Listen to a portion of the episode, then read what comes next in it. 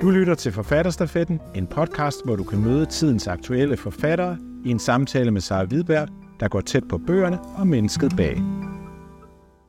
Jeg har haft øh, mange øh, lange aftener med Margrethe den Første, som er et imponerende værk i sin detaljerigdom. Altså, det må have været en kraftanstrengelse for dig at skrive den bog. Ja, det var det også. Jeg har også haft mange lange aftener og lange dage med Margrethe. det vil jeg ikke lægge skjul på. Jeg tænker også, at øh, det du meget gør, du, du skriver jo en bog, hvor Margrethe øh, starter som lille og, og hele vejen op igennem barndommen, og vi får noget med, som vi jo normalt aldrig får. Og så er der den her kropslighed, du putter ind, øh, som fylder meget, altså virkelig meget i virkeligheden i bogen. Hvorfor vælger du det snit? Jamen, jeg valgte ret tydeligt, at jeg vil være meget tæt på Margrethe, altså så tæt på hende, som man kan komme, uden at det er en decideret jeg-fortæller. Øhm, og jeg prøvede jo at leve mig ind i den verden og den tid, hun lever i. Og man kan sige, at Margrethe hun er jo født ind i en ekstremt magtfuld familie som datter af Valdemar Atterdag, men hun er jo ikke født til magt som sådan. Hendes primære funktion, det er at blive gift, hvilket hun bliver meget tidligt, hun bliver gift som 10-årig, som et brik i sin politisk spil, og så er det at levere en arving, når hun er klar til det. Og jeg tænker, at hvis det er det, ens værdi ligesom er baseret på, at man skal føde et barn, så fylder ens krop jo meget. Og det er jo også noget, vi har til fælles på tværs af tider, det er, at vi har en krop, og den fungerer nogenlunde ens. Vi behandler den forskelligt, og vi kan forskellige ting med den. Men kroppen har jo haft rigtig meget skulle have sagt. Også fordi det har været farligt at have en kvindekrop i middelalderen. Altså op mod halvdelen eller en fjerdedel er døde i barselsseng, og, og alle mulige andre sygdomme, der fører med. Så jeg synes, det var ret naturligt, at Margrethe skulle have lov til at have sin krop med over romanen. Det er også øh, interessant, fordi at, at kvindelivet jo var meget øh, tilbagetrukket, og vi er rigtig meget inde i gemakkerne sammen med hende. Hvad laver de egentlig der, og pigen og hende er meget sammen. Øh, hvor svært var det at indfange Margrethe for dig? Jamen, det var svært på den måde, at jeg skulle bruge et utroligt langt tilløb. Altså et tilløb, der tog øh, 7-8 år, fra jeg første gang fik plantet ideen. Øh, det var min redaktør, der gav mig ideen til at skrive romanen. Og det er rent faktisk gik i gang. Og det var jo ikke sådan, jeg sad i syv år og prøvede at trænge ind på livet af Margrethe, men jeg prøvede nogle gange at lave noget research og prøve at indfange hende, og jeg følte mig afvist hver gang. Øh, og da jeg så endelig ligesom fik den, efter at have skrevet nogle andre romaner i mellemtiden, så var det egentlig fordi, at jeg fokuserede på barnet Margrethe. Så så jeg pludselig hende, det her lille barn, det jeg sende hjemmefra, øh, det ensomme liv, øh, den her måde, hun er nødt til at prøve at samle verden igen, øh, og finde ud af, hvad det egentlig er, der foregår, og hvad det er for en politisk virkelighed, hun er sat i. Og så vidste jeg, at jeg gerne ville skrive den roman, som handler om Margrethe, dronningen, eller barnet, der bliver til dronning og samler Norden, og Margrethe, det ensomme menneske. Og det, det, det sagde mig noget, og så, og så var det ikke så svært. Så var hun ikke så fjern alligevel. Nej, for det er jo meget langt tilbage i tid, vi er her ja. i middelalderen. Ja. Øhm, jeg tænkte på, om du vil læse et lille stykke, der sådan indfanger hende lidt for dem, der ikke har læst bogen. Det vil jeg gerne. Øhm, ja, jeg vil læse et lille stykke, øhm, som er lige efter, hun har født sin søn, og der er hendes mand, han har været meget bekymret, og nu kommer han og ser til hende. Han løfter panden fra hendes kind og smiler ved modet.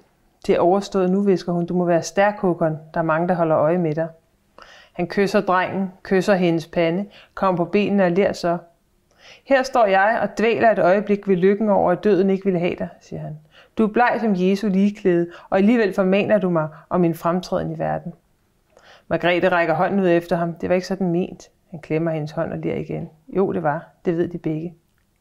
Ikke alene har du født mig en søn, siger han, og lader hænderne løbe gennem håret. Jeg har også fået en klog og ærlig rådgiver i dig. Han blinker til hende, lægger fingeren over sine læber, som havde han sagt noget fortroligt. Hun lukker øjnene, da hun åbner dem, er han borte, og Kerstin sidder igen ved sengen med drengen i sin arme. Ja, det er et fint stykke, hvor der er også meget ømhed mellem de to. Men, men her er der ligesom allerede et hamskifte på vej, synes jeg, i Margrethe. Ja. Hvad, hvad er det, der sker? Jamen det, der sker, er jo, at, øh, at, at de har fået den her søn, og Margrethe har kæmpet øh, for at få ham, om man så må sige. Hun har i hvert fald ventet med stor øh, utålmodighed på, at han skulle komme øh, til verden, øh, fordi at det både er hendes øh, legitimitet, legitimitet. Hun har ventet for, at han skulle komme til verden, fordi det både er hendes legitimitet i forhold til at være den norske dronning, som hun er på det her tidspunkt, og fordi det simpelthen er det, hun skal. Og, øhm, og, og i det øjeblik, hun får den her søn, så bliver hun jo ikke bare mor til en dreng, hun bliver også mor til den kommende, i hvert fald norske konge, det ved hun på det her tidspunkt. Og det er noget, hun tager meget alvorligt. Og hun tager sin rolle i forhold til hans opdragelse og i forhold til verden meget alvorligt. Øh, og det er jo også, fordi hun selv kæmper for at få en plads. Ikke nødvendigvis en magtfuld plads, men en plads som et menneske, der, der betyder noget i verden. Ja. Aner hun allerede her godt, at hun har mere at skulle sagt end bare at være mor? Ja, hun aner godt, hvad mere skulle have sagt, end bare at være mor, fordi det har hun fået, i hvert fald i min roman, i forhold til, at hendes mand jo øh, bruger han som rådgiver i et eller andet omfang. Og øhm, selvom kvinderne i middelalderen ikke har haft det samme, øh, skulle jeg sagt, som mændene overhovedet, og øh, formelt ikke har haft rettigheder på den måde, så har den fremtrædende kvinde, adelskvinden og dronningerne, de har jo haft øh, meget uddannelse faktisk øh, mm. mange gange. De har været... Øh, Øh, gode samtalepartnere, de har kunnet sprog, de har kunnet begå sig i verden, og de har været vant til at styre et stort hus. Så, så hun vokser med opgaven, og hun, hun ser også muligheden for, tror jeg, ret tidligt at få mere, skulle have sagt. Ja, og hun påtager sig jo også moderskabet meget inderligt. Ja. Øh, det er et utroligt ømt forhold, hun har til den her søn. Man bliver sådan helt rørt af at læse om det det, det ved jeg ikke, det må være lidt fri fantasi, du har. Det er fuldstændig fri fantasi. det er meget fri fantasi. Øh, man ved jo reelt ikke, hvordan Margrethe har opdraget sin søn. Øh, måske har hun slet ikke boet sammen med ham. Det er jo en mulighed, at han er blevet opdraget af nogle andre, men det er også en mulighed, at hun har opdraget ham selv. Det er en lille smule svært at finde ud af præcis, hvordan man i middelalderen forholder sig til børneopdragelse. For at finde ud af det har jeg faktisk læst rigtig meget om, sådan, hvordan man behandler sine heste og sine hunde, hvilket jo godt kan lyde lidt mærkeligt, men det er der faktisk skrevet flere ting om, end hvordan man egentlig øh, er mor. Oh, øh, men de siger jo noget om det, at hvis man har en eller anden form for øh, respektfuld omgang for andre væsener, så har man det formentlig også i forhold til sine børn. Øh, men moderskabet fylder, og grund til at lod Margrethe have et moderskab, der fylder, og lod Olof vokse op hos Margrethe, er fordi, at jeg synes, det giver en god dynamik i min roman, men det er også fordi, det havde været en stor mundfuld for en nutidig læser, og i hvert fald en nutidig forfatter, at skulle skrive frem en kvinde, som sender sit barn væk, selvom det måske har været almindeligt i middelalderen, så er det en anden historie, en anden fortælling og nogle andre ting, man så kommer overens med. Ja, og det kan jeg godt forstå. Det havde været en svær en. Det var svært nok at sluge, at hun bliver sendt bort selv. Ja, som det synes jeg også. Det er svært. Øh, der er også noget andet, der fylder en del i bogen. Det er alt det med tro og ja. overtro og nisser ja. og skiftende og trolde. Hvorfor er den dimension også vigtig at have med? På det tidspunkt, hvor Margrethe er regent, så fylder kristendommen jo meget, og kristendommen er ligesom den højeste øh, moral, og det er det, som man retter sig efter. Og der er ikke nogen som helst tvivl om, at Margrethe hun har været meget troende og har været meget sådan, from i forhold til, til kristendommen. Men samtidig så er det jo også et tidspunkt, hvor øh, folklore og folketro og overtro stadigvæk trives. Øhm, og det vil jeg gerne have med, og jeg vil også gerne have det med, fordi jeg synes, det er et interessant spor i forhold til sådan noget fælles nordisk identitet, at vi har de her fortællinger, der går på tværs af, af landegrænser om elver, piger, nisser og trolde og hvad vi har. Øhm, og de går på tværs dengang, men de går jo også på tværs nu, og vi kender dem stadigvæk. Vi fortæller stadigvæk vores børn de historier. Vores børn ved stadigvæk godt, hvad nisserne lavede i gamle dage, eller elverpigerne, og de færreste af os tror på det nu, men det er jo noget, som viser en eller anden form for øh, kulturelt spor, som har lange, dybe rødder, og det vil jeg gerne have med. Det var den ene grund. Og den anden grund var, at jeg kunne bruge det til noget, som handler om at stå på god fod med kræfter i sig selv, eller i naturen, eller i verden, som man ikke kan se, og som ikke er så rationelle, men som man er nødt til at forholde sig til og begå sig i forhold til på en, øh, en måde for at kunne overleve som menneske. Ja, for jeg sidder lidt og tænker, at det er jo virkelig øh, sjovt, når du siger det på den måde, at det er det, den, den funktion den også har, fordi jeg tænker også, tro normalt er noget, der er lidt tabuiseret i dag. Og her der får du ligesom lov til at give den gas, fordi det er lagt tilbage i tid. Det lyder lidt, men det prøvede jeg allerede, da jeg skrev min Hildegard-roman, altså, som jo virkelig handler om, øh, ja, det handler om nonnen Hildegard af Bingen, men det handler også om tro og, og det tvivl og kald og afkald, som jeg synes er vildt spændende, vildt interessante emner, men det havde været meget svært for mig at skrive om dem på samme øh, direkte og nærgående måde, hvis jeg havde henlagt romanens handling til nutiden. I forhold ja, til det kunne være et spændende eksperiment. Faktisk så vil jeg lige snakke lidt om Hildegard, for det er jo der, det ligesom starter med dine historiske ja. bøger, og som har, var et af dem, de første, jeg læste, og gjorde kæmpe indtryk øh, på mig.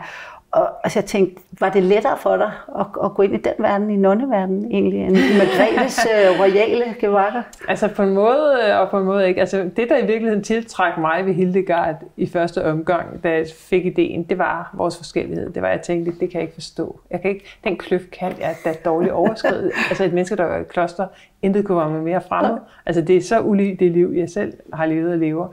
Øh, men så langsomt, som jeg virkelig tænkte, jeg må solidarisk forsøge at sætte mig ind i, hvordan hun har tænkt, og hvordan det liv har været, så endte jeg jo med at tænke, det var det eneste naturlige at gøre. Så det er jo noget af det vidunderlige, som, som det arbejdet med, mm. med mine personer gør, det er, at når jeg går tættere på dem, så giver de jo også meget mere mening. Øhm, så det, som var svært ved Margrethe og det royale, det var mere det var ikke så meget noget, der havde med Margrethe at gøre, det var noget, der havde, mere noget, der havde med verdensordenen at mm. gøre. Mm. Det her besynderlige med, at man kan blive født til så stor magt et, og, og til at regere eller være i spidsen af et samfund, hvor langt de fleste mennesker lever i elendighed. Mm. Hvordan kan man forlige sig med det som menneske? Og sådan nogle ting havde jeg rigtig meget op at vinde, da jeg skulle ind på livet Margrethe. Flere kvaler med. Men det giver også mening i Hildegard, og også se i virkeligheden i Margrethe, det her med, at klosterlivet faktisk er en redningsplanke mere end en straf, som man, ja, før man læser bøgerne i måske så det som. Ikke? Jo. Øhm, når du vælger sådan at kaste over historisk stof, har du så altid en, en, en mission eller en plan? Jeg har ikke altid en en plan. Man kan sige, jeg har, øhm, og det er egentlig, så kommer det til stadig bag på mig, at jeg kaste små historisk stof, fordi det lå til mig ikke kun. Det er ikke sådan, at jeg udsteder min kæmpe stor historisk interesse, eller har nørdet det hele min ungdom overhovedet. Altså Margrethe øhm, kommer efter en del andre historiske romaner.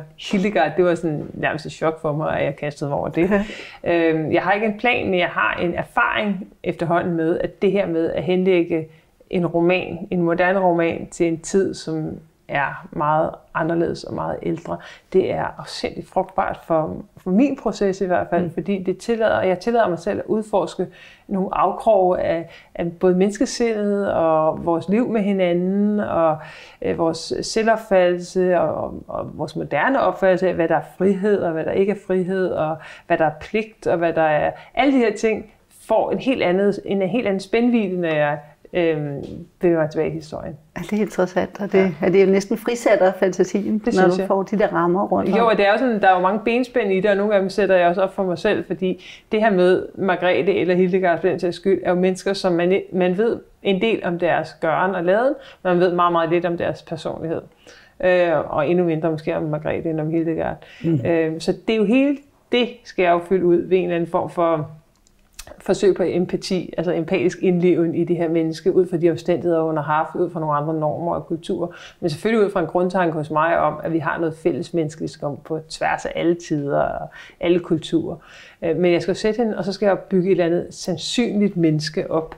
Øhm, og det synes jeg er en, en virkelig, virkelig spændende opgave. Og selvom researchen er afsindig krævende, så er det andet jo mindst lige så krævende. Ja, det kunne jeg godt forestille mig. Det er jo to dele, der skal ja. smelte sammen til sidst. Du har, jeg tror, du har sagt det sted også, det, at du godt er klar over, at historie jo aldrig er skrevet fra et neutralt sted. Men hvordan vælger du dit, dit blik? Eller? Ja, historie er jo aldrig skrevet fra et neutralt sted, men det har man jo nogle gange lidt en tilbøjelighed til at tro. Man har en tilbøjelighed til at tro, mm. at at den historie, vi bliver præsenteret for, er historien. Mm. Altså også de historiske begivenheder, vi vælger ud, er ligesom dem, der er vigtige. Men de historiske begivenheder, der bliver valgt ud på et givet tidspunkt, er jo også identitetsopbyggende. Der er jo dele af vores fælles historie, som vi vælger at se fuldstændig bort fra, fordi vi synes, de er ubehagelige eller intimiderende, at det ikke passer ind i fortællingen. Det er den ene side af det. Den anden side af det er, at der, man kan have mange syn på øh, historiske begivenheder. Man kan se det gennem et økonomisk syn, mm. eller et teologisk, eller alt muligt forskelligt. Med min Margrethe-roman, der vidste jeg bare, at jeg ville gerne gøre det så historisk korrekt, som det overhovedet var mig muligt. Øh, og jeg er ikke faghistoriker, så jeg var nødt til at læne mig op af en anden. Og jeg valgte så, at øh, eller jeg fandt ret tidligt i forløbet øh, en doktorafhandling mm. af Anders Bøg, som er lektor emeritus ved Aarhus Universitet, som altså er den mest grundige Margrethe-afhandling, mm. der findes. Og den gik jeg i gang med at læse og jeg fortrød det virkelig mange gange. For den er så grundig, men til sidst er jeg også glad for, at jeg har gjort det. Øhm, hvor jeg tænkte, at jeg er nødt til at holde mig til ham, fordi det virker solidt og ordentligt og gennemarbejdet. Øhm, og der var ikke så mange, der var nogle af de kulørte historier, jeg gerne ville have haft med, med sørøveri og ja. affære og sådan noget. Det røg ud, fordi det var, simpelthen... det var ikke belæg for, så det må jeg jo acceptere. men, øhm, men, men på den måde, så, så ved jeg jo godt, at der er noget, jeg ikke kan, som faghistoriker kan, og så lægger jeg mig ligesom i deres slipstrøm og vælger en at holde mig til. Eller Det var i hvert fald et modigt projekt, synes jeg, ja. du har kastet dig over her. Og jeg det, vidste ikke, hvad det var. Nogle gange kan man blive taget med på ja. sådan en kæmpe rejse. Ja. Øhm, og det samme, jeg tænker bare det der med, med at se på historien, det du gjorde i Dronningen af Saba og Kong Salomon, der finder du faktisk en, en historie, der er beskrevet utrolig småt, ja. og, og finder en mere spændende historie, og, og folder noget ud, som ja. vi som europæer aldrig rigtig har vidst. Ja. Ja, altså dronning Saba, der, den historie med dronning Saba, synes jeg var ekstra interessant, fordi den optræder i både øh, Koranen og Bibelen. Ja. Og der er dronning Saba en absolut biperson, og hovedpersonen er, øh, er Salomon. Eller Suleiman, som han hedder i Koranen. Men så er der en etiopisk kongebog, hvor det er foldet ud som en meget mere eventyrlig fortælling, hvor mm. dronning af Salomon drager til øh, kong, eller hvad hedder det, ja, dronning af Saba drager til kong Salomon og får et barn med ham, og det grundlægger det etiopiske kongehus, og det er jo en helt vild historie. Og så tænker jeg, at den historie kan jo være lige så god. Altså, de er jo alle sammen mytologiske mm. på hver deres måde, men hvad skal der prøve at fusionere de her tre historier? Og så var der rig mulighed for, at jeg kunne udfolde en fantasi der. der får du også lige pludselig hævet noget historie frem fra en ny vinkel, ikke? Og, og få skrevet en kvindens historie, som var ja. ellers lidt udskrevet, eller biperson. Jo. Her til allersidst vil jeg høre, om du har en bog, du vil anbefale. Det har jeg. Ja. Det har jeg absolut. Øh, det er den her. Det er dansk forfatter Michael Josefsen. Mm. Vi debuterede faktisk samme år i 98, så det er en del år siden, og romanen hedder De Andre. Og det er en roman, som er utrolig velskrevet, utrolig rørende og utrolig barsk. Og så er det sådan en roman, som man ikke rigtig... Øh, ja, jeg kan ikke huske, hvem der har skrevet sådan her i Danmark. Altså, den handler om hjemløse i Svendborg. Det er en kollektiv roman, og den er den er stærk. Man skal, lige, man skal lige have en dag med gode nerver, når man går i gang. tak skal du have. Den må ja. vi få, få gang i. Ja.